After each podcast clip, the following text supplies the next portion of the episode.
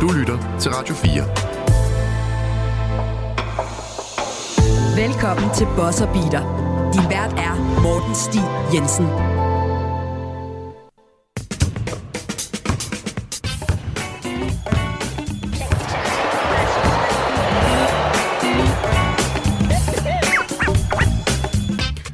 Rigtig hjertelig velkommen til Boss Beater. Mit navn er Morten Stig Jensen, og i dag der skal vi snakke om nogle af de her spillere, hvor at vi forventer en forbedring, hvor vi håber på, at spillet bliver en lille smule langsommere for dem, så altså vi ser et kæmpe skridt i deres udvikling, og derfor så har vi øh, fire spillere på programmet, vi skal, vi skal snakke om her øh, i dag. Og min gæst, det er Malte Arbo. Velkommen til, Malte. Mange tak, Morten. Men inden vi skal derhen til det, så skal vi jo snakke om noget, der er en lille smule mere pikant, det er nok det bedste ord. Øhm, fordi du og jeg, vi har, ligesom mange andre, læst en artikel i uh, New York Magazine omkring Sham Charania fra The Athletic og Stadium og alt det her. Alle kender ham, hvis man er inde i NBA. Han er en newsbreaker. Sham. Shams. Shams. Sham Charania. Ja. Og øh, han er jo en af dem, som der ligesom med Adrian Wojnarowski bryder de her nyheder to sekunder efter det rent faktisk er sket. Eller, altså, han har bare fingeren på pulsen. Han har tre telefoner og øh, har 18 timers screen time om dagen. Mm. Og ja, det er ikke mig, der har talt forkert her. Det er vidderligt 18 timer om Når dagen. han er på ferie, der var han stolt at nede på 12 timer. Hans favoritdestination er Portugal, fordi der kan han ligge ved pool, sidde eller ved poolen og øh, sidde med telefonen. Ja. Det er kort sagt mand, der aldrig holder pause. Præcis. Men det er jo ikke det, vi skal snakke om. Fordi det, vi skal snakke om, det er, at i den her artikel, der kommer der en, øh, en, lille, en lille bid op, kan man sige, der var, var ret øh, bekymrende. Og øh, derfor, i den her artikel, som den handler om Shams, så handler den også i, i bredere termer sådan lidt omkring den her newsbreaker-industri i NBA. Altså Shams, og i forlængelse af ham, Adrian Wojnarowski, som vi bare kender som Vogue. Ja. Det, der bliver sagt øh, i artiklen også, det er blandt andet, at nogle gange, så kan Shams og Vogue simpelthen fortælle klubberne, jamen, I behøver slet ikke betale så meget for den her spiller. Jeg ved nemlig, på baggrund af mine kilder, at han slet ikke har de tilbud rundt omkring i ligaen. Mm. Sagt i andre ord, de øh, gør faktisk, at spillerne de bliver røvrendt ud af nogle penge. Ja. Det betyder jo så lige pludselig, at de her to såkaldte journalister kan dække noget, som de har været direkte involveret i. Og det synes jeg, der er et eller andet meget forkert i. Og det tror jeg, der er mange, der synes, der er noget forkert. Jeg kan i hvert fald huske, at da du læste artiklen, skrev du også til mig, what the F sker der her? Ja. Hvilke nogle bekymringer har du som en, en forbruger af NBA, når du øh, hører sådan noget? Jeg tror i første omgang, så var det der chok over at læse det, fordi det var sådan midt i en artikel. Og så jeg havde tænkt, at det der, det måtte, det måtte næsten være noget breaking news på et eller andet punkt. Ja. Øh, og du sendte mig artiklen, og jeg gik ind og fik læst det hele. Øh, super velskrevet artikel, og der kommer nogle spændende pointer, men, men den der, den, den var sådan lidt sned ind i bunden af artiklen, at når jeg øvrigt, så var der også nogle executives, der havde givet udtryk for, at de på et tidspunkt havde sparet penge på baggrund af deres kontakt med Shams og Vogue, fordi at, ja, som du sagde, at de ligesom kunne give udtryk for, at, øh, at, at spilleren havde ikke de tilbud, som der var øh, udtryk for, ja. at spilleren havde. Og det synes jeg virker skræmmende, fordi så kommer der en spiller mere ind, der kan justere på tingene. Altså det, en ting var, at det var mega, mega sjovt øh, før i tiden at øh, følge med i draften på Twitter, fordi før var øh, tv blevet vist, hvem der blev draftet, så fik du lige at vide Vogue, at der var indikationer på, han havde en fornemmelse af, han havde læst i sin kop te, at, at ham og ham her blev øh, draftet. Sjovt nok altid med 100% hit rate. Ja. Øhm, og der var det jo bare sjovt og spændende. Ej, hvor, hvor må de være dygtige journalister. Men når de begynder at mani- ikke manipulere, øh, spille klubber og agenter. Jeg synes, det er færre at sige manipulere. Ja, det er altså, jo en manipulation af markedet på en eller anden ja, ja, præcis, fordi det var der, jeg vil hen. Det der med, at de manipulerer på et eller andet punkt med markedet, fordi de har så meget information, de sidder med og sidder på. Og så er vi jo tilbage til, at journalister er jo ikke en beskyttet titel, mener jeg ikke. Det er Nej. det heller ikke. Journalister er ikke en beskyttet titel, men der må også være nogle sådan, øh, juridiske kvababelser ved det faktum, at du sidder rent faktisk og bruger noget information, du har fået på et eller andet punkt i fortrolighed, mm-hmm. og så giver det til nogle klubber, der for alvor kan få drage nytte af den her information. Altså, og så dækker du det bagefter. Det er der, mit problem kommer ind. Hvis de sidder og kalder sig selv journalister, og de så sidder og dækker en nyhed, de har været med til at skabe. Ja, både at de øh, dækker en nyhed, de har været med til at skabe, men i første omgang det faktum, at de koster spillerne penge. Ja, altså, det, ja det er selvfølgelig det vigtigste. Altså, det er, men... jo, det er jo på et eller andet punkt det vigtigste, men, ja. men det der med, at de, de har den indflydelse, fordi jeg synes, vi har set en tendens i løbet af de sidste par år i NBA, jeg kan huske, da den startede, at du var især meget på den der med, at det var mega fedt med player empowerment. Så begyndte der også at komme lidt flere agenter ind, de der superstjerner agenter, Mhm. mm-hmm. vi kender fra, øh, fra fodboldverdenen.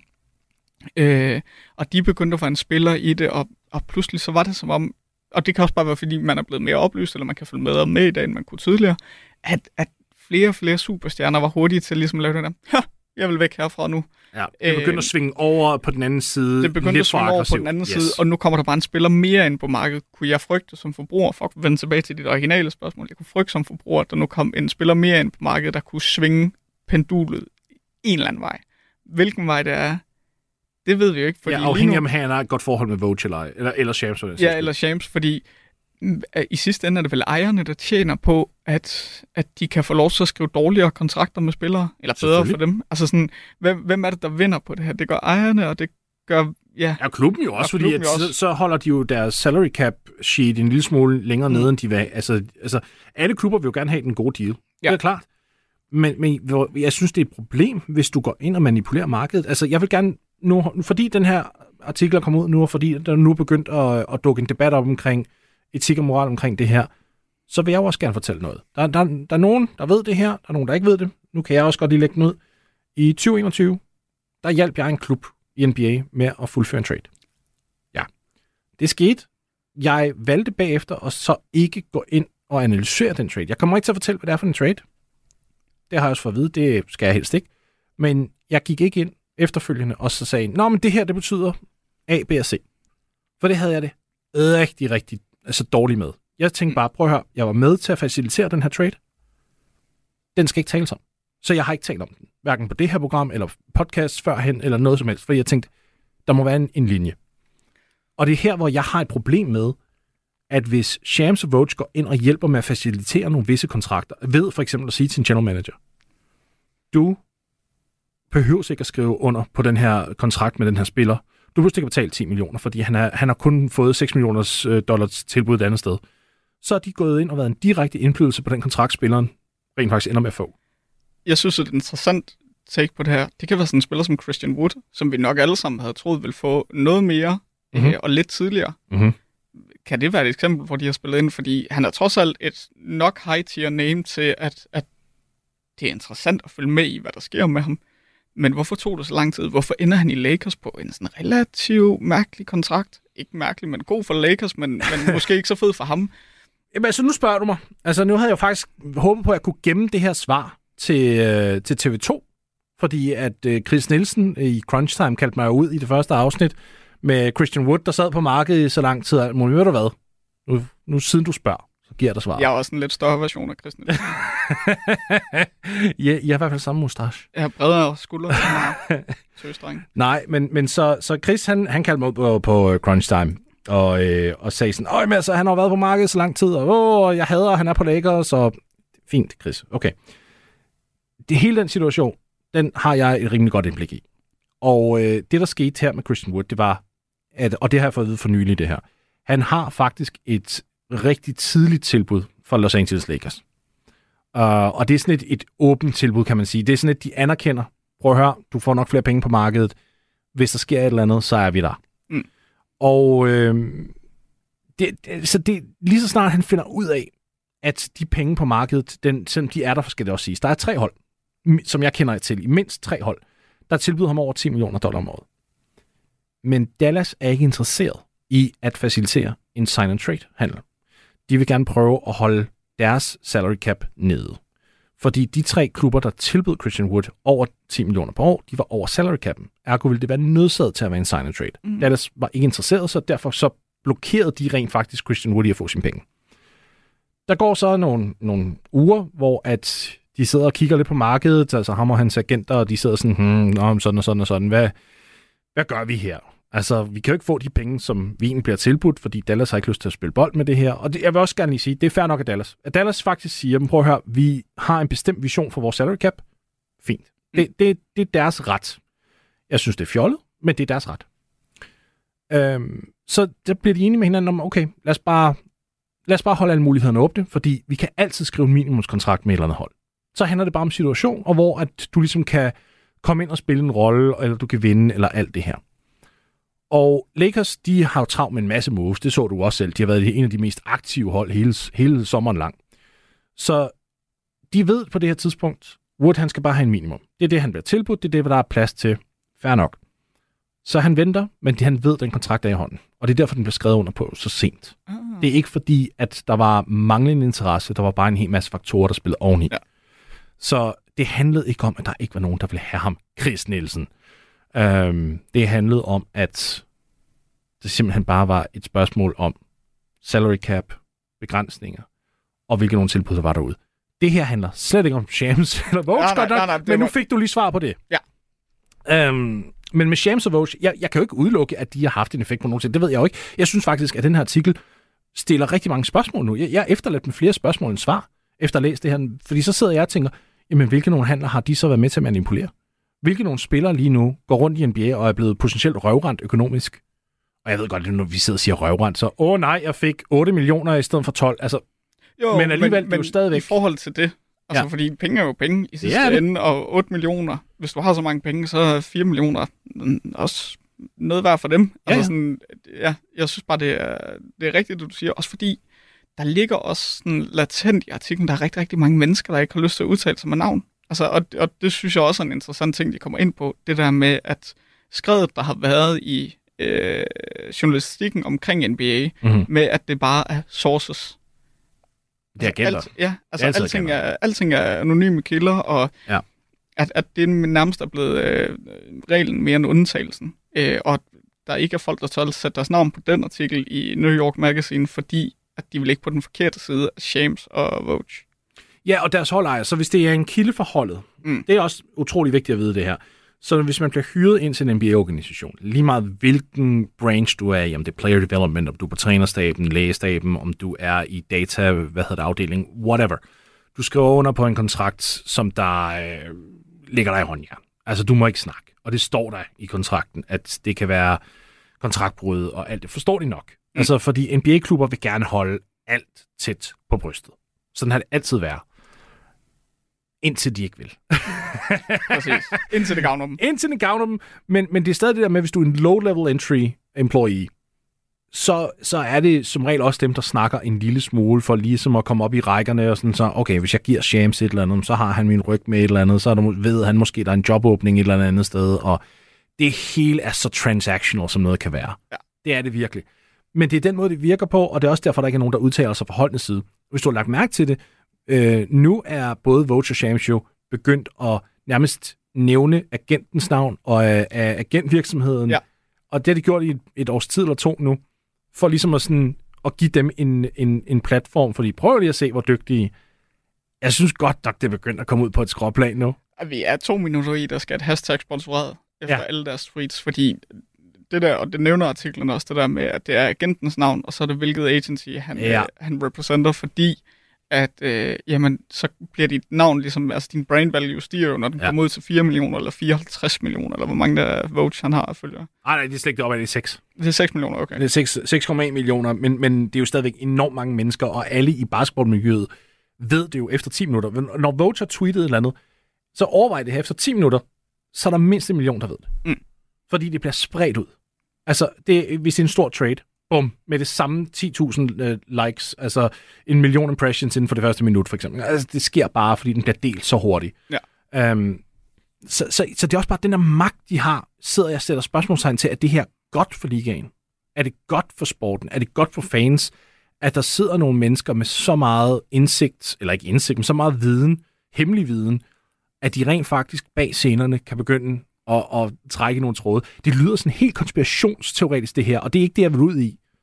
Men det er, jo, det er jo rigtigt nok, at når man har den viden, når man har den magt, så kan du også få ting til at falde i en bestemt favør, du ønsker. Ja, og det er jo ikke et, øh, et had mod hverken Vogue eller Shame. Mm. Det er mere en øh, snak om, hvilken retning ligaen går i. Ja, det er jo ikke engang ligaen som sådan. Altså, øhm, fordi de, de kan jo helst, de vil helst have, at man venter indtil alt officielt. Mm. Problemet med NBA, det er, de ved udmærket godt, at for en trade kan være officiel, så kan der gå dage, hvis ikke uger. Fordi der er ting, der skal på plads. De kan bare ikke komme ud på NBA.com og lave breaking, det her er sket, indtil noget er officielt. Så jeg blev inviteret øh, til Ligakontoret i øh, London her for nylig, og sidste uge, hvor jeg var derhenne øh, sammen med min søn og få en tur og sådan nogle ting. Og der snakkede jeg med, med en derhen, der faktisk decideret sagde til mig, jamen prøv at høre, vi bliver nødt til at gøre et eller andet for at være med på beatet, fordi vi synes også, det er skide irriterende, når vi sidder og laver artikler på NBA.com omkring en eller anden klub, og vi ved, at der ligger en trade og bobler, og den ligger og bobler i en måned, inden of det bliver officielt, men så kan vi ikke skrive om den. Vi bliver nødt til at kunne dække vores hold.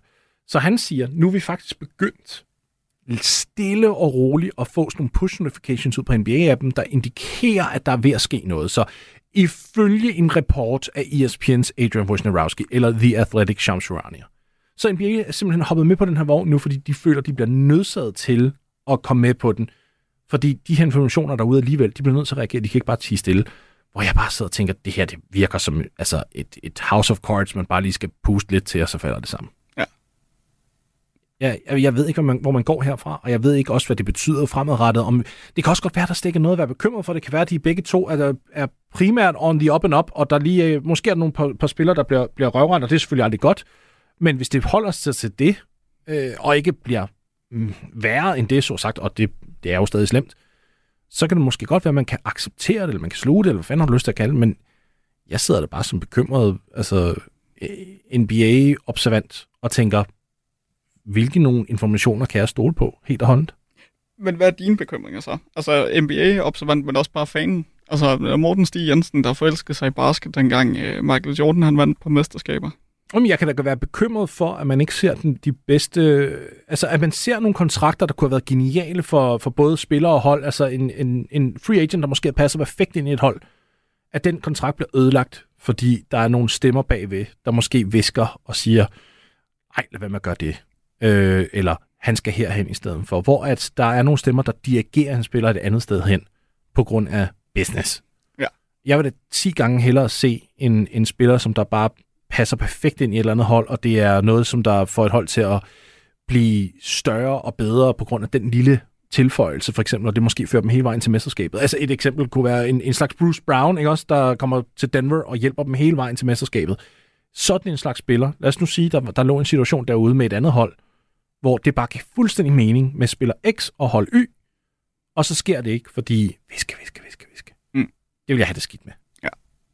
Det vil, det vil virkelig påvirke altså min, min opfattelse af spillet. Måske er jeg også lidt uskyldig. Sådan, det er måske en uskyldig måde at kigge på det på, der med, at jeg gerne vil have det bedste.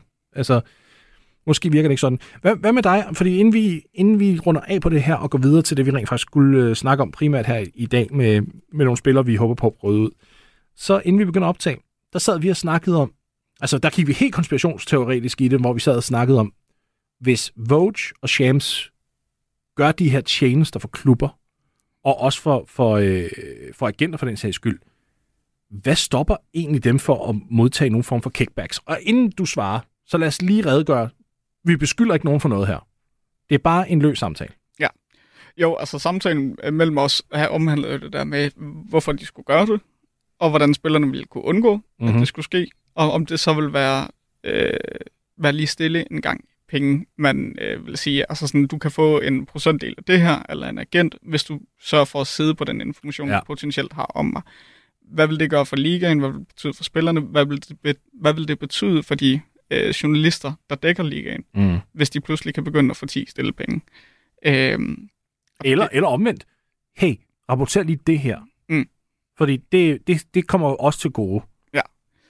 Ja, og det var jo egentlig bare diskussionen omkring det, øh, og, og hvad det kan få betydning, fordi så kommer der jo stadig spillere, der taber penge. De taber det bare ikke til øh, klubben, de taber det til en øh, mellemmand, der ikke burde være en mellemmand, fordi der på et eller andet punkt ikke er nogen, der burde have al den information, Mm. de to sidder inde med. Øh, Jeg synes i hvert fald, det er bekymrende, og det er ikke, for, I- igen vil jeg understrege, det er ikke fordi, vi sidder her og beskylder Shams og Vogue for at tage imod penge for nogle ting, men jeg kan da ikke lade være med at sidde og tænke på, at hvis de er villige til at, at give nogle essentielle informationer til klubber, for at klubberne sparer penge, det er da, en, det er da information, der er penge værd. mm. Så derfor synes jeg, det er fair nok lige sådan at tænke, hvad, hvad betyder det her? Øhm, jeg har en, en kammerat over i USA, som der sad og læste den samme artikel øh, som os, og han, han skrev bare til mig sådan, prøv at det er et spørgsmål om tid, før der er en eller anden spiller, der begynder at sagsøge øh, Vulture Shams, efter det her det er kommet ud. Altså, det, der er nok nogle spillere, der sidder derude og tænker, jeg er en af dem, der løber røvrendt. Nu, nu der skal jeg finde mig en advokat, i stedet for en agent. Jo, der må også sidde nogle spillere derude og tænker, er det, er det mig, de, de nævner der? Ej, jeg, jeg, jeg synes i hvert fald, det er... Jeg er, faktisk, jeg er glad for, at den artikel kom ud, Mm. for jeg synes, det var sådan en lidt en nødvendig øh, vitaminpille at få ned. Altså den der sådan lidt, okay, det var en reality doses, vi lige havde brug for. Jeg er glad for, at den kom ud. Jeg var lidt ærgerlig over måden, den var sat op på, fordi det kommer så sent og så henkastet i artiklen. Altså, Ja. det er jo meget sådan en uh, The American Dream omkring uh, Shams karriere, og det der med, hvordan han starter med at rapportere, at den her spiller har fået en 10-dages kontrakt, og hvordan Ja. han spammer folk med beskeder og sådan noget. Sådan lidt storyagtigt på nogle punkter. Ja, sådan Øh, rigtig, prøv lige at se, hvor dygtig han er. Ja, lige Picked, him, præcis. picked himself up by the bootstraps. Ja, ja, altså sådan, alle kan gøre det her, og bare uh, see get you through college, nej, see get you a degree, som han også får sagt, Ja. Hvor man er sådan, åh, det, det er måske, øh, det, det er meget sådan smukt og sødt i starten, og så kommer vi bare ned til det her, i øvrigt, så er der folk, der ikke rigtig tør udtale sig negativt Ja. om de her to personer, og øh, de har muligvis kostet, eller de har kostet øh, spillere penge. Jeg synes i hvert fald, det er værd at nævne, fordi jeg ved, der er rigtig mange danske fans derude også, der ligesom du og jeg har notifikationer på i løbet af sommeren til Vogue og Shams og alt det her, at øh, jeg tror, det er på tide, vi begynder at øh, hvert fald stille os en lille smule skeptisk over for deres motiver. Og det synes jeg er fair nok at sige. Jo, og også bare opmærksom på, hvad det også betyder. Ja. Det faktum, at de er så hurtige ude, det har også en betydning i den anden ende, og det Ja. er, at de sidder på en masse information. Og øh, som afrunding på det her vil jeg også bare gerne sige, at jeg har førhen snakket med agenter, der har givet mig informationer, hvor jeg har fået at vide, at jeg må ikke gå ud med det. Det er reserveret til Shams eller Mm. Vogue. Yes. Det er også noget, jeg synes, der er enkelt, fordi det betyder bare, at man ikke rigtig kan gøre sit job. Og jeg kender jo godt konsekvensen, hvis jeg gik ud og skrev noget alligevel. Så, så vil jeg miste kontakten. Vi bliver snart nødt til at lave en episode om dine mest vanvittige historier fra øh, NBA. der, der er nogle vilde nogen, men jeg har ikke tænkt mig at, at gå i dybden med dem. Det kan jeg ikke. Men det er, der sker meget hele tiden. Og lige især den der med newsbreaking og med kontakter. Uh, det, det er en mærkelig, mærkelig business. Det kan jeg godt Ja. udtale mig om. Altså det der, selv med nogle holdkontakter, jeg har en gang imellem, sådan noget med, altså, jeg, har en, jeg har engang fået videre en scout. Du må ikke fortælle nogen, at vi to kender hinanden. Hvor jeg sådan siger, jeg får ikke engang nogen informationer, eller vi, vi hyggesnakker bare. Nej, men alligevel, du er journalist. Sådan, for det første, jeg, ikke, altså, jeg ved godt, det ikke er en beskyttelse, men, Ja, ja, men- men... Jeg, jeg, jeg, jeg, er ikke journalist. Jeg er en, jeg, jeg, jeg, er en, jeg er en stemme. That's it. Men øh, det, er sådan- jeg, jeg synes, det er akavet en gang imellem, det der med, at man, man ved ikke, hvordan man skal angribe en kilde. Det er sådan med at snakke med dem sådan lidt løst og fast. Og så lige pludselig, selvom man har hyggesnakket et år, så er der en af dem, der siger, well, all of this is off the record, right? Sådan, ja, ro, rolig nu. Dude, slap af. Slap af. Det er sådan, men, men måske er det også bare businessen derovre i USA. Og det, det må vi også bare nok tage højde for. Du lytter til Bosser Beater på Radio 4. Nu til noget meget mere positivt, Malte. Ja. Fordi at øh, vi skulle jo ikke slutte med sådan en skeptisk historie. Vi skal jo helst slutte på en dejlig note, og øh, nu skal vi til, til, det, til det, som programmet rigtig handler om. Og det er jo fire spillere, helt specifikt, som vi har valgt. Øh, at, at, og hvordan skal jeg angribe det her? Det, ja, du har Må jeg en- prøve? Ja, det må du meget gerne. Det her, det er de spillere, der i år har muligheden, og som Mhm. vi håber og tror, får den der oplevelse, hvor de står på banen og tænker, Gud, jeg kan det her. Ja, Altså sådan- aha-øjeblikket. Aha oplevet, oplevet øjeblikket, hvor du står, ligesom første gang de dunkede, eller første gang de fandt ud af, sådan, mm-hmm. jeg er Mhm. virkelig, virkelig god til det her. Det øjeblik får de i NBA i år, hvor de tænker, ah ja, det er rigtigt, jeg er faktisk en af de øh, 25 bedste spillere i verden til det her. Og, hvor, og det behøver ikke at være superstjerner, det behøver ikke at være stjerner, det behøver ikke, at, at, at slutresultatet skal være en stjerne. Det handler mere eller mindre om, at det er nogle spillere, som der har været i ligaen i nogle år i hvert fald. Det er ikke rookies. Altså, det er nogen, der lige har været i, i et år eller to i ligaen i hvert fald, og som vi nu kigger på, som vi har set nogle små ting fra dem, der ligesom indikerer, de er ved at fatte det. Og de er, spillet er ved at blive en lille smule langsommere for dem, og de er ved at, ligesom at have det der, som du kaldte det, aha-øjeblikket. Øhm, så hvem, hvem har du taget med? Jeg har startet med DeAndre Ayton. Øh, Det er modigt. Det er en max-kontraktspiller. det er en max-kontraktspiller, men grunden til, at jeg har det, det er lige så meget, fordi jeg glæder mig til at se ham på et nyt hold. Ja. Øh, og som vi talte om inden, fordi jeg var sådan, åh, jeg synes, der var mange gode. Jeg havde også nævnt Ben Simmons som en, men der kom vi ind på det der med, at han har jo været en superstjerne, så det er bare det der med, at han måske genfinder sit niveau. Ja, eller, den tæller ikke. den tæller ikke. Nej. Men, men det der med at sige, jamen nu ser vi Aiden på et hold, hvor hvis man kigger rundt, så er han nok den bedste, eller så er han den bedste spiller, de har. Det er nok ham, der kommer til at være der sådan primære option, både offensivt og egentlig også defensivt. Altså han kommer til at være den der spiller, hvor man siger, jamen, det er ham, man kigger på. Ja. Kan han tage det step op? Og det tror jeg, han kan. Altså jeg glæder mig til at se ham i et nyt, se, ny setting, ny coach, øh, ny det hele, hvor han ligesom kan få lov til at, at tage fat om, øh, om det, vi mænd har mellem benene, og så sige, I'm the, I'm the big man here. Ja. Øhm, og det, det tror jeg, han kan, fordi vi har bare set i glimt, hvor dygtig en spiller han kan være. Og Aiden vil jeg sige, specifikt med ham, der taler vi om stjerneskridtet. Mm. Altså trods alt, fordi vi ved, han har snittet 18 point og 11 rebounds per kamp, og er en af de bedste defensive center i ligaen. Så, så det er jo ikke fordi, vi mangler den der baseline, hvor man så siger, okay, altså, er han overhovedet god eller ej? Det ved vi. Spørgsmålet nu, det er, hvor god kan han blive? Og han virker til at være i både en alder, og har en sindsindstilling nu, fordi han er kommet til Portland, der gør ham mere tilbøjelig måske til ligesom at sige, nu spreder jeg mine vinger, nu prøver jeg at finde ud af, hvad, hvilken slags spiller jeg egentlig er, fordi jeg blev holdt tilbage i Phoenix igennem mange år. Jo, og han er lidt træet ud af den skygge, som jeg i hvert fald tror, mange af os europæere har på ham, der hedder, det var ham, der blev taget første, som første valg i den draft, hvor folk skulle have gået med Luca. Altså, at han netop tager det der skridt, hvor han bare siger, jamen, øhm, det her, det er, det er grunden til, at der er en legitim årsag til, at jeg blev valgt som nummer et i draften. Mm-hmm. Og det, det ser jeg frem til at se. Og så på Portland Trailblazers hold, der lige har mistet deres største stjerne igennem de sidste 10 år, noget, Ja, 11, tror jeg det er. 10-11 år. Øh, ham har de lige mistet. Og nu, øh, nu er de i rebuild, og han har en sæson nu, hvor han bare skal ud og makse sin værdi så meget, som man overhovedet kan. Jeg tror, Ja. Aiden bliver kanon fed at følge i år. Ja, altså jeg, jeg, for mig, der handler det hele om øh, selvtillid. For, altså det, virkelig, jeg, jeg er slet ikke i tvivl om hans talent. Altså igen, nu sagde jeg lige før, han har snittet 18 point per kamp, han har snittet 11 rebounds, en af de bedste defensive center i ligaen, rammer endda sin straffekast, så det er ikke fordi, at man kan gå hack shack på ham heller. Øh, for sin karriere skyder han næsten 60% for gulvet. Altså, vi, vi snakker om en meget habil spiller, men jeg tænker også bare, at der er mere i ham. Altså, der er mere at, at, at klemme ud af ham. Det her var fem sæsoner i Phoenix, hvor han aldrig var en first option. Hvor han, igen gennem de her fem sæsoner, tog 12,2 skud i snit, inklusive en sæson, hvor han tog 10, 10 skud per kamp, som the number one overall pick. Uh, altså, han er jo bygget fantastisk. Han er atletisk, han er bredskuldret, han er stærk. Han, han mangler noget fysik i henhold til at være villig til at kæmpe under kurven måske. Eller gør han? Var det et resultat af måden, de spillede på i Phoenix? Eller hvad? Altså, jeg tror i hvert fald, at vi ser en anden version af ham nu.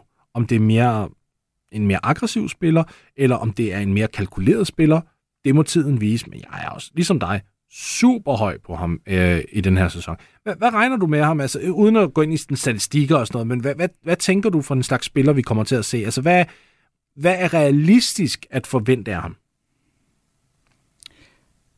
Jeg tænker, det er realistisk at forvente af ham, at han kommer med i samtalen. Ikke som den bedste center, ikke som en af de bedste center, fordi der er ligaen bare sindssygt stærk, Mhm. mm-hmm. men som en meget, meget dominerende center, og som sådan en, man gameplaner omkring både offensivt og defensivt. Ja. Øh, op til det der niveau, man, hvor man sådan siger, okay, hvis han lige kan lægge det her det her på, er han så med i snakken om at være med i snakken om MVP. Ja. Øh, Åh, oh, MVP lige frem. Jeg, jeg sad og tænkte, du vil sige All-Star. ja, All-Star. Ja. Og MVP er jo et kæmpe skridt. MVP ja. er et kæmpe skridt, og det var også derfor, jeg sagde snakken om at være med Ja. snakken om at være med i Okay, snak, Ja. two years away from being two years away. Mentaliteten. Exakt den ord. Fedt. Ja. jeg kan lide den. Men det der med ligesom at se ham skulle steppe op, Ja. øh, og det tror jeg, vi kommer til at se. Og jeg tror også, vi kommer til at se ham snit ret mange point. Ja. Kunne man forestille sig, at hans forsvar, det røg sådan en lille tur? Det var en tanke, jeg havde på cyklen på vej herover. Det der med, om man kunne forestille sig, at han ligesom begyndte at sige, det er det offensive, der er vigtigt for mig nu her. Det er her, jeg skal ind og dominere. Det er her, jeg skal vise, hvad jeg kan. Og så slækker man lidt på defensiven. Ikke LeBron slag, men Ja, jeg, jeg, jeg tror, at det han, ordet balance var det første, der faldt ind i. Mm. i, i mit hoved her. Fordi at, ja, jeg, jeg tror, han kommer til at sige, prøv at høre, jeg vil gerne også finde ud af, hvad jeg er offensivt. Kan jeg godt blive sådan en 22-23 point score? Og det kommer til at koste en lille smule på den anden ende. Selvfølgelig gør det det, fordi at de her spillere er stadig mennesker, der skal kunne være i stand til at trække vejret. Øhm, jeg, jeg, jeg har altid et kæmpe problem med folk, der tror, at spillere bare kan spille 48 minutter per kamp og have høj intensitet på begge ender af banen. Sådan fungerer verden bare ikke. Øh, så ja, helt sikkert, han bliver nødt til at ofre lidt defensivt. Men jeg tror ikke, det gør det, til, gør det til et problem. Altså, jeg synes, han er så dygtig positioneringsmæssigt, defensivt i hvert fald, at jeg kunne sagtens se ham stadigvæk være en god forsvarsspiller, selv når han så snitter 22-23, hvis det er den rute, han går i. Øhm, kommer han til at være en af ligaens bedste defensive center, hvis han gør det? Muligvis ikke. Men hvis han bare ligger over standard, vil du hvad, accepteret? Jo, og så vil det jo også være et punkt, hvor han ville kunne skrue lidt på det. Altså så mm. i det kampe, hvor det var nødvendigt for ham ligesom at steppe op. Altså ja. sådan lidt den der, vi har set nogle gange spillere gøre. Øh, jeg tror, LeBron gjorde det meget i tidligere, eller i sådan ældre, eller yngre, der hedder det det der med ligesom at kunne skrue på det og så sige, det her play, der er jeg all in defensivt. Altså, mm-hmm. Og så koster det i næste ende, når jeg står nede og suger luft ind, øh, når vi har bolden igen. Men lige her, der handler det bare om at lukke det her ned. Altså det er det, jeg tror, vi kommer til at se mere fra hans side af. Og det bliver jo spændende, fordi det er jo også en balancegang, og så er vi tilbage til balancen for en spiller, at kunne sige, jamen, hvornår skal det her, hvornår skal jeg ikke det her? Og, og det er jo det, det kan jo godt være, at han måske vælger her i år, og så sige, jamen prøv at høre, jeg er faktisk ligeglad med, med defensiv. Jeg, jeg har tænkt mig bare at bruge et år. Jeg har tænkt mig at dedikere en sæson på at finde ud af, hvad kan jeg blive? Det kan være måske, at hans ambition ikke er 22-23, det kan være, at hans ambition er 25-26. Hvor han så siger, at jeg er villig til at blive dunket på et par gange, og jeg er villig til at måske lige miste en backdoor cutter eller et eller andet. Og så næste sæson, når jeg har fundet ud af, hvem jeg er offensivt, så er det der, jeg prøver at bringe den der stabilitet, balance, hvad end du nu har lyst til at kalde det. Og sjovt nok, så har han jo faktisk en holdkammerat, der har prøvet det blueprint, det er Jeremy Grant. For kan du huske, at han tog til Detroit fra Denver af, så begyndte han bare at score helt vildt. Mm. Det var den rolle, han havde lyst til at have. Han havde aldrig været en first option, han havde aldrig været en second option, han havde altid været sådan en fifth option. Og han sagde, prøv at høre, nu vil jeg til Detroit, og jeg vil bare se, hvor meget gas jeg kan give den offensivt. Så han har jo faktisk en spiller der ved siden af sig, hvor han lige kan få nogle pointers og så sige, prøv at høre, da du gik igennem den her proces, hvad kostede det dig definitivt? Hvad, hvordan balancerede du det? Fordi nu synes jeg jo egentlig, at Grant endte ud i en, en rimelig fin balancegang selv. Så det er interessant. Jeg, jeg, altså, Aiden er en fascinerende spil, spiller at følge her i år. Altså, virkelig. Jeg glæder mig helt vildt. Altså, Portland bliver et spændende hold på et eller andet punkt. De bliver dårlige, eller de bliver ikke dårlige, men de bliver ikke super gode, men de bliver spændende. Lytter til Buzzer Beater på Radio 4. Den næste spiller øh, på listen, det er Kobe White. Ham har jeg taget med fra øh, Chicago Bulls. Og øh, Bulls er ikke et spændende hold. Og derfor så har jeg en fornemmelse af, at man glemmer nogle af de spillere, der er for dem. White han træder ind i sin femte sæson nu. Og allerede sidste år, der så vi enorme forbedringer for ham defensivt, playmaking-mæssigt, til at styre tempoet af spillet men alle glemte ham lidt, fordi han havde career lows i point og alle mulige andre ting, og det var fordi, der var så meget konkurrence ved guardpladserne. Og øh, det er sådan en af de her ting, som hvor jeg godt kunne se sidste år, han er i gang med at finde et eller andet. Mm. Og det var der mange, der kunne se, hvad jeg lige hilse at sige, men det blev bare ikke snakket om. Vel? Altså igen, Chicago. Hvorfor skulle man snakke om dem? Her i år, øh, til at starte preseason, har han været fantastisk. Det er så også kun preseason, bevares. Men det virker virkelig til, at han bliver deres startende point guard og jeg kan 100% godt se, hvorfor. Ting kører bare langsommere nu. Altså det der med, da han var i sin rookie-sæson, der tonsede han derudad. Da han var i sin anden sæson, han tonsede derudad. Det var som om, han skulle prøve at løbe hurtigere end alle andre, og det var tempo, tempo, tempo, tempo. Han har stadig tempo, men nu er det tempo under kontrol, og det er to vidt forskellige ting. Ja, fordi vi har jo set det med mange af de der små point guards, der kommer ind, eller små øh, hurtige point guards, der kommer ind i ligaen, hvor det bare tempo, tempo, tempo, jeg skal bare push, jeg skal push, jeg skal push. Og så på et eller andet tidspunkt, i hvert fald for de gode af dem, der ser man det der, som du også nævner med, at tempoet sænker sig, og så kan de slå det til. Og ja. så sådan en slangebid, der kommer ind, hvor det lige pludselig så, gud, så var han væk. Ja. Øhm, jeg husker det som om, dengang de draftede ham, øh, Chicago, der dækkede vi draften sammen, og jeg mener ikke, du var så høj på ham. Er det samme draft som Chris Dunn, eller husker jeg helt forkert? Nej, det, det er jo senere. Det var, det var i 2019-draften ja. med, med Kobe White. Jeg, jeg var høj på ham til en, til en grad, Altså, jeg synes, nummer, han blev altid nummer syv, og jeg synes, det var en, en anelse højt, men jeg kunne også godt se ideen i det. Problemet der, det var, at da han kom fra øh, North Carolina af, der var han nærmest udelukkende en spot Mm. Han, han kunne ikke særlig meget bolden. Hans, hans handle var meget løst. Han kunne ikke rigtig styre et hold. Forstår du, hvad jeg mener? Altså, ja. det var sådan... Det var meget flash og meget lidt substans. Men det er det, der har ændret sig nu. Altså, nu begynder jeg lige pludselig at se ham altså, navigere screen and rolls, både offensivt og defensivt, hvor han står og kalder spil nu, hvor jeg sådan tænker, det der, det er nat og dag for tre år siden. Altså, det, det er, det er en ting, at han var elendig til det dengang, men han er blevet decideret dygtig til det nu. Og, og, der, og jeg synes, det er vigtigt at pointere det som en kæmpe forskel, fordi en ting er, at du bliver bedre til tingene, men det er sjældent, du ser en spiller, der går fra at være elendig til noget, til at være plus, altså på den side af den. Altså, det, det er ligesom Aiden, da han kom ind i ligaen den første, jeg tror, den første to måneder, nok en af de ringeste defensive center, jeg nogensinde har set. Men i selv samme sæson, det er så stadigvæk en af de mest mærkeligste transformations, jeg nogensinde altså, har set i Leon Leo, så gik han til at være en plus defender. Ja. How? Hvordan? Jeg fatter det. Men Kobe White har nu gjort det her over en længere periode bevares. Men det er ikke kun det der med screen navigation. Det er det der med, at altså, hans boardhandling er blevet bedre. Det der med, at han nu læser den ekstra aflevering. Det der med, at han er ikke interesseret i at få en assist nu. Det er det der med, at han kan se hockey-assisten, du ved, den sekundære aflevering. Det er alle de der små nuancer i spillet, som man ikke kan fange i en boxscore, hvor man bare sidder sådan og tænker, okay, der er et eller andet, der er ved at slå klik op i hovedet for ham nu. Tingene begynder at give mening. Og ja, der er intet, jeg har set den her preseason, der taler imod det. Så hvis Chicago får den her fjerde starter ind, fordi de har jo nærmest kun haft de her tre, altså Vogue, øh, eller Vooch, nu sagde jeg Vogue, det er noget helt andet. Vogue, øh, DeRozan og Levine, og så har der været sådan to wildcards hele tiden. Hvis de nu endelig får en fjerde starter, så gør det jo også dem bedre. Jo, og det, øh, jeg kan ikke lade være med at tænke på det der med, at han har stået lidt i skyggen af Lonzo Ball, især dengang han var god, Lonzo Ball, eller dengang han spillede. Mm. Om det der år nu, hvor man ligesom har set ham, hvor han har haft tiden til ligesom at sige, jamen jeg ved, det her det er min plads resten af sæsonen.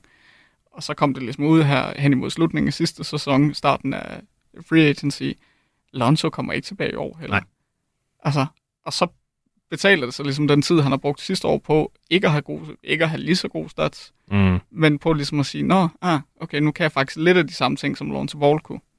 Ja, han har ikke i ikon. Altså, Lonzo er en af en, ikke også? Mm. Og det, det er jo så det, du kommer aldrig til at erstatte en Lonzo Ball. Altså, meter 98, en IQ, der er skyhøj, og instinkter og atletisk formåen, der... Altså, han er nok den mest unikke spiller i ligaen, når man kigger på det. Bare virkelig sådan en sjov sammensætning af, af talenter.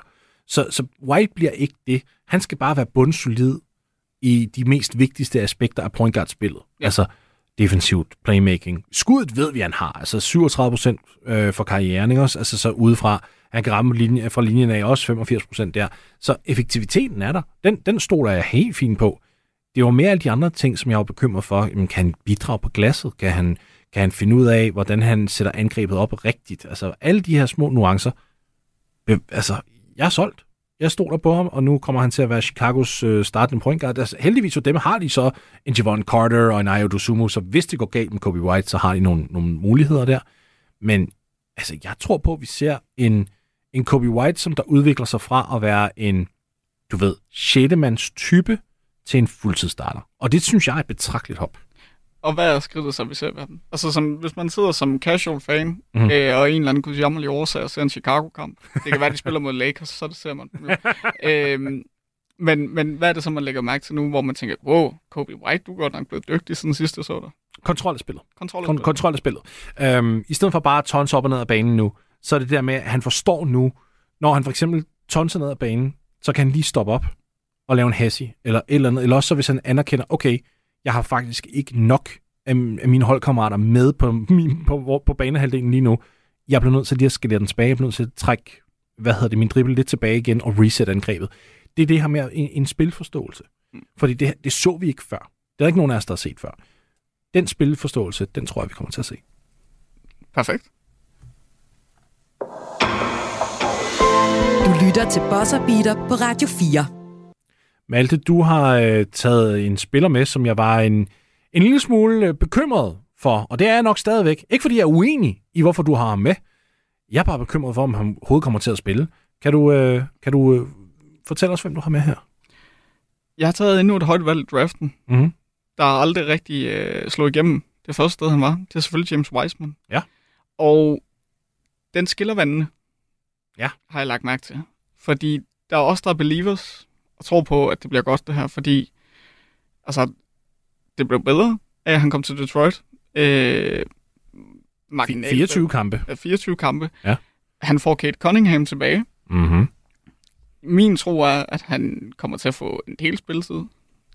Og jeg tror, han kommer til at bevise nu, hvorfor han hører til i ligaen. Fordi jeg tror, en del af det for ham har også handlet om selvtillid. Og det der med, at du kommer ind som et højt valg i draften, du kan se blueprintet til, hvad der skal ske, at du skal tage over for det her dynasti, og hvad den næste, der er med. Men, men du griber bare ikke chancen. Det lykkedes ikke for dig. Og det er så i år, han ændrede det. Det er i år, vi begynder at se skridtene til det, er min teori. Hvem kommer han så til at stjæle minutter fra? Fordi jeg kigger på en Jalen Duran, jeg kigger på en Isaiah Stewart, og jeg kigger endda også på en Marvin Bagley. Hvem stjæler han minutter fra? Marvin Bagley i hvert fald. Mm-hmm. Og... Ja, det er der, den bliver svær. Det er nemlig det. Og så har du teknisk set også Bojan Bogdanovic, der spiller en 4. Ja. Jeg, altså, jeg, jeg, hader den ikke. Jeg elsker faktisk dit, øh, dit spillervalg her. Fordi jeg, jeg vil elske James Wiseman lige pludselig bliver til noget. Det vil være fedt, fordi jeg synes, den stakkels unge mand har været igennem alt for meget kritik. Det værste sted, han kunne have landet, set i bagklokskaben, øh, øh, hvad hedder det? Bag, Øh, klar lys. klar lys. Oh. øhm, det, var, det var Golden State. Han skulle aldrig have ind der, fordi de havde mesterskabsaspirationer med det samme. Han skulle aldrig have været ind der. Han skulle have været et sted, hvor han langsomt men sikkert kunne blive bygget op som en spiller. Det var faktisk lidt det samme problem, Aiden havde. De blev meget hurtigt konkurrencedygtige i Phoenix, og så var der ikke tid til udvikling. Du skal bare spille. Du skal bare lade være. Du skal være sådan der. Jamen, jeg er 21. Fuck dig. Spil på den her måde. Okay. Mm. Og det var den situation, Wiseman faktisk endte i. Nu er han i Detroit, hvor at det er en genopbygningsproces, så jeg kan godt lide destinationen der. Jeg kan godt lide ham som spiller. Jeg synes, det går fedt.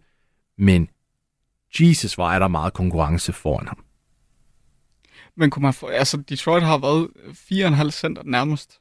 De elsker Big Man. Det har været et kæmpe problem for dem. Det er, at de har foretrukket Big Man over wings og guards. Altså, de, de, det, er jo, det er jo noget, så en running joke i Detroit. Det er jo, at på et eller andet tidspunkt, så kommer man til at se fire center på banen. Jeg, jeg nyder bare at tænke tilbage på de gamle dage med Greg Monroe og Andre Drummond og Josh Smith, øh, hvor de bare var sådan big, big, big, big. Men, men altså på et eller andet punkt må de jo også tænke... Altså, jeg tror, vi nævnte det allerede i starten af free agency, det der med, at der må ske et eller andet i Detroit. Det kan jo ikke passe, at de skal have øh, fire kvalitetscenter. Jeg, jeg tror, jeg tror, det bliver en deadline deal, men det er alligevel også, så er vi 50 kampe ind i sæsonen, ikke også?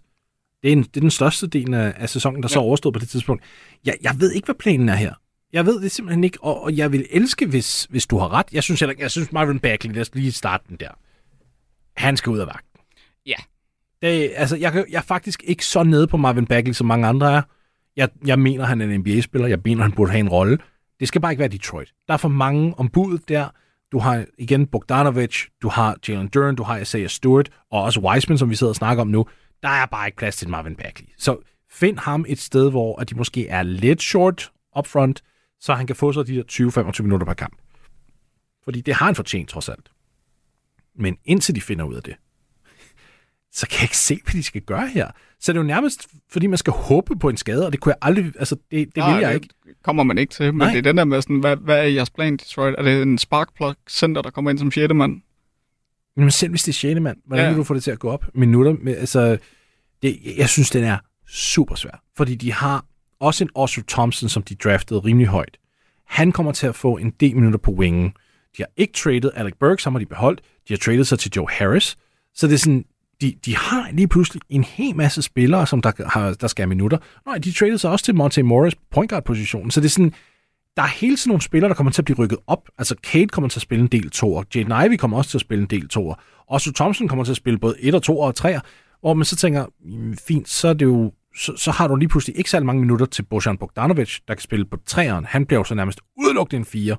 Så han skal have alle sine 30 minutter på 4'eren. Hvor, hvor efterlader det så centeren? Så er der lige pludselig kun 18 minutter tilbage på 4'eren, og så har du 48 på, på, på centeren, der så skal deles op. Det matematikstykke går bare ikke op. Så jeg, det er derfor, jeg er nervøs ja, omkring ja. dit valg med Wiseman, som jeg elsker det. Elsker det. Jeg tror måske også lige så meget, det er den der idé om, at man gerne vil have det til at lykkes for ham, mm. hvis det giver mening. Altså sådan, at, at som du også nævnte, rigtig træls situation, han kommer i, da han bliver draftet. Og har været skadet, og hele det der øh, Puha-show, han har været igennem. Jeg kunne bare godt tænke mig at se ham spille en hel sæson, hvor han får reelle, gode minutter. Mm. Se, hvad der er for en spiller, vi har med at gøre. Fordi der er jo en grund til, at du bliver draftet så højt. Altså, så mange fejl bliver der bare heller ikke lavet i draften. Jeg vil gerne se, hvor god han er, og hvad Ja. det er, han kan. Og jeg vil gerne se ham have det der her aha-oplevelse. Kunne du måske være et år for tidlig på den her? Det kunne jeg helt bestemt, fordi jeg tror både du og jeg kunne have en antagelse om, at om et år, så er han ikke Detroit Pistons-spiller. Ja, både det, men også fordi han har kun spillet 84 kampe i sin NBA-karriere, og før det spillede han altså kun tre kampe i college. Det vil så sige, han har kun spillet 87 kampe siden 2019-2020 sæsonen. Ja. Det er ikke meget. Og det er derfor, jeg tænker, at det, jeg har nok svært ved at se den der, den der røde tråd med, at han skulle have et aha-øjeblik, når han har... Lad mig lige undersøge det her, før jeg kommer til at sige noget, der er helt forkert. I NBA har han kun spillet 1700 minutter. Ej, det er ikke meget. Det er virkelig ikke meget. Så, så det er derfor, jeg tænker, hvis han... Hvis, jeg, jeg, vil, jeg vil elske, at vi kunne reservere den til næste år. Det kommer vi ikke til. Fordi næste år, der kommer vi til at snakke om, gud, han det, det bedste draft pick nogensinde? det gør vi ikke, det gør vi ikke, det gør vi ikke. Det lyder som en, øh, en ny tatoverings... Øh... Ja, der er plads på ryggen. Okay.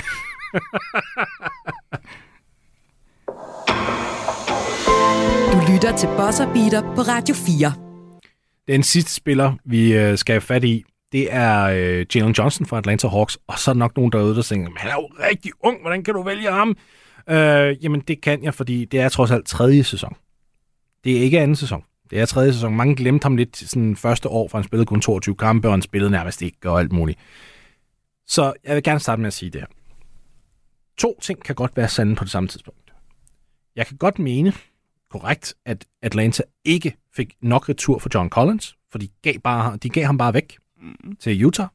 Og jeg kan samtidig også godt mene, at Jalen Johnson kommer til at være et bedre fit for dem fremadrettet.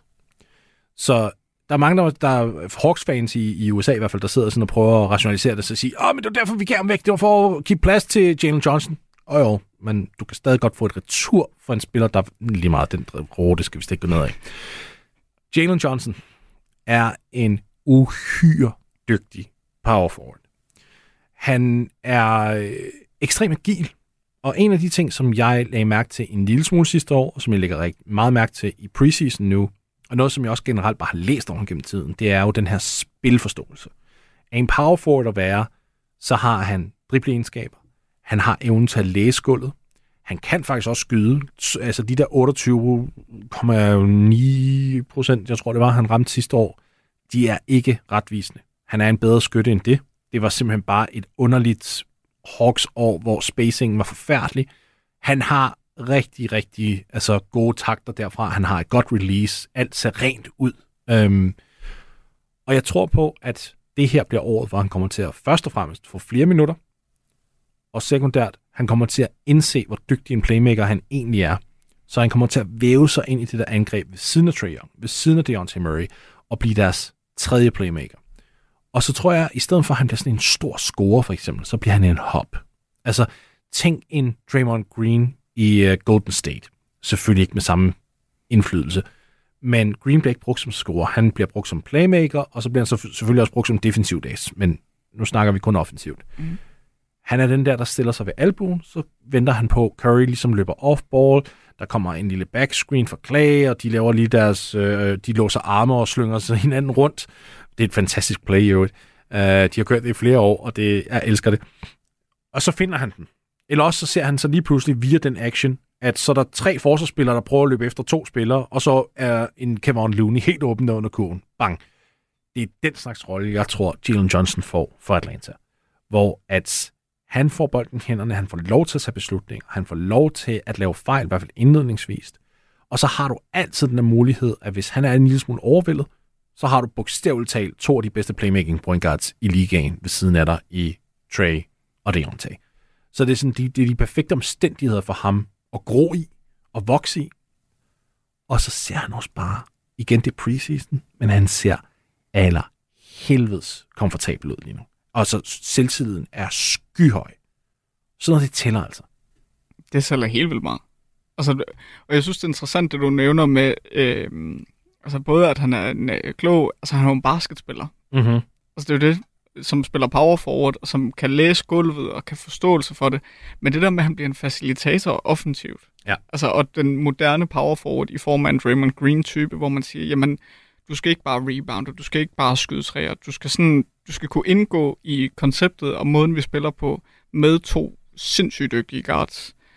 Det, altså, det bliver jo interessant at følge også, fordi han bliver ikke, han bliver højst sandsynligt ikke en stor statchecker, lyder det som om, men han bliver den der spiller, hvor du sidder og ser kampen og tænker, gud, hvor er det hold bare bedre, når han spiller. Ja, altså helt seriøst, han er den der type der, hvor at hvis han i slutningen af en kamp har, du ved, 11 point, 7 rebounds og 4 assists, så sidder man og tænker, nå ja, men det var da fair nok. Men hvis man så ser kampen, så føles det som om, at han har dobbelt det. Mm. Altså simpelthen, indflydelsen er så meget større. Og der er bare nogle spillere, hvor indflydelsen er større end statistikkerne, og så er der også det omvendte bevares. Men øh, hans egen holdkammerat, Trey Young, vil jeg jo nævne som en, altså jeg, jeg, jeg, har virkelig været negativ omkring Trey. Det, jeg vil gerne anerkende, at han er hammerende dygtig. Altså bare fordi jeg ikke synes, han er lige så øh, vigtig som hans statlinje, så betyder det ikke, at jeg ikke mener, at han er dygtig og, og vigtig og, Og alt det her. så er man jo tilbage til, at to ting godt kan være ens, eller rigtig på samme. Præcis, lige præcis. Hvor Johnson er bare omvendt. Altså, han er en af de der spillere, som der virkelig kommer til at have en, en non-box score indflydelse. Der skal du dykke ned i de avancerede statistikker rigtig meget med ham, tror jeg. Jeg tror også, han bliver en af dem der, hvor at du skal kombinere avancerede statistikker med øjentesten. Du skal virkelig se meget af ham, før du virkelig finder ud af, nå ja, det er sådan, han fungerer. Øh, der er nogle spillere, hvor man bare lige sådan skal lure dem, og det tager noget tid. Altså, sjovt nok, en af hans holdkammerater, Bogdan Bogdanovic, ham havde jeg faktisk ikke altid den største fidus til, indtil jeg begyndte ligesom at, at se mere til. Og jeg tror, det tog mig sådan 50-60 kampe, inden jeg endelig begyndte at få øjnene lidt op for sådan, åh oh ja, okay, det er den måde, du har din påvirkning. Fordi altså, en ting var, at han scorede sådan 12-14 point per kamp, og det var fint nok procent og sådan noget. Men han blev bare ved med at få super mange minutter, og, øh, og trænerne taler altid om ham, som om han var altså, the gift of God, og jeg sad sådan og tænkte, hvordan, hvad misser jeg her? Og så begyndte jeg at indse, åh oh ja, okay, han sætter en hel masse backscreens. Den måde, han bevæger sig på, det er meget aggressive ruter. Det er sådan trusselsruter, hvor at hvis han cutter den ene vej, så tvinger han forsvaret til at rotere og tage en beslutning, og det frigør for en hel masse andet. Det er sådan rigtig non-box score stuff. Jeg tror, Jalen Johnson bliver den samme slags type. Bare sådan en, der bare laver alt muligt larm, uden at lave det. Giver det mening? Jamen, jamen, sådan trænerens mand på et eller andet punkt Ja. på banen. Ikke fordi han styrer offensiven, men fordi han ligesom gør alle de der ting, der gør, der får tandhjulene til at glide på yes. et eller andet punkt. Altså han bliver deres olie, om man vil. Ja. Hans VD40. Øh, der ligesom får tingene til at køre, og sørge for, at, at det bliver nemmere at være Trey Young og øh, DeJounte Murray. Murray. Øh, altså, at- og det er jo sådan en spiller, der kan være rigtig, rigtig svær. Og det er sådan en spiller, der på sigt også kommer til at koste 25-30 millioner dollar om året. Øhm, så der kommer også til at være nogle fremtidige ting, som de lige skal overveje, fordi efter den her sæson, prøv at høre, hvor hurtigt det her går nu. Altså de her spillere, der kommer ind bare for, på et par år siden, altså de er jo, fordi på grund af, på grund af corona, der havde vi jo nærmest tre sæsoner bare smækket oven i, i topbanen, og derfor så virker det helt vanvittigt, nogle af de spillere, som der er extension eligible lige nu. Efter den her sæson, så er Jalen Johnson extension eligible. Føl, det føles som om, han kom ind i ligaen i går. Ja. Altså, det går ekstremt hurtigt, så, så jeg tror også, at Atlanta kigger på ham og tænker, hvis vi skal give ham en kæmpe kontrakt, så bliver vi fandme også nødt til at finde ud af, hvad det er, vi har i ham. Så jeg vil blive chokeret, hvis han ikke får minimum 25 minutter per kamp. Altså, jeg ser ham helst starte. Jeg kan ikke se, hvem der skulle være en bedre starter foran ham. Så kan de sidde og snakke om Sadiq Bay, de kan sidde og snakke om DeAndre Hunter og sådan, okay. Jeg vil da 10 gange hellere se, hvad sådan en tandhjulspiller, synes du er et godt ord der, en tandhjulspiller kan egentlig kan gøre for dig. Fordi du mangler jo ikke star power. Nej, og DeAndre Hunter er vi ikke så småt ved at give op på det øh, projekt, eller hvad tænker du? Jeg ved ikke, om vi er ved at give op på det. Han har været meget skadet, øhm, og jeg synes, han er dygtig. Altså, han kan skyde, han kan dække op, og øhm, altså sidste år var jo faktisk et godt år for ham. Han spillede 67 kampe. Jeg ved godt, det lyder jo ikke som særlig meget, men i nutidens NBA, der er det jo helt fint. 15,5 point per kamp, 4 rebounds, 35 procent for træerne af, og forsvaret var, var, var rimelig fint. Så jeg er ikke ude på ham, men jeg vil gerne se måske bare lidt mere før jeg ligesom siger, okay, du er bare min mand til, til fremtiden. Altså, hvis der lige pludselig kommer et tilbud fra en eller anden stjerne, og de så siger, jamen, vi vil gerne have DeAndre Hunter, så skal det ikke være ham, som Atlanta sidder og siger, nej, det vil vi ikke. Altså, ligesom Clippers gør med Terrence Mann. You know? I kan få Jalen Johnson. nej. Det vil fandme være Hawks. Det var Bosseren, og øh, vi kom forholdsvis bredt omkring, synes jeg. Vi fik snakket om øh, etik og moral med Shams og, og Vogue, og vi fik øh, dækket altså DeAndre øh, Aiden, Kobe White, James Wiseman og Jalen Johnson, som øh, spiller, vi ser, øh, vi skal give et lille ekstra øje på her i, øh, i den her sæson. Malte Arbo, tusind tak, fordi at du var med her i dag, og til alle jer derude, indtil vi snakkes igen, så pas rigtig godt på jer selv. Du har lyttet til en podcast fra Radio 4. Find flere episoder i vores app, eller der, hvor du lytter til podcast. Radio 4. Ikke så forudsigeligt.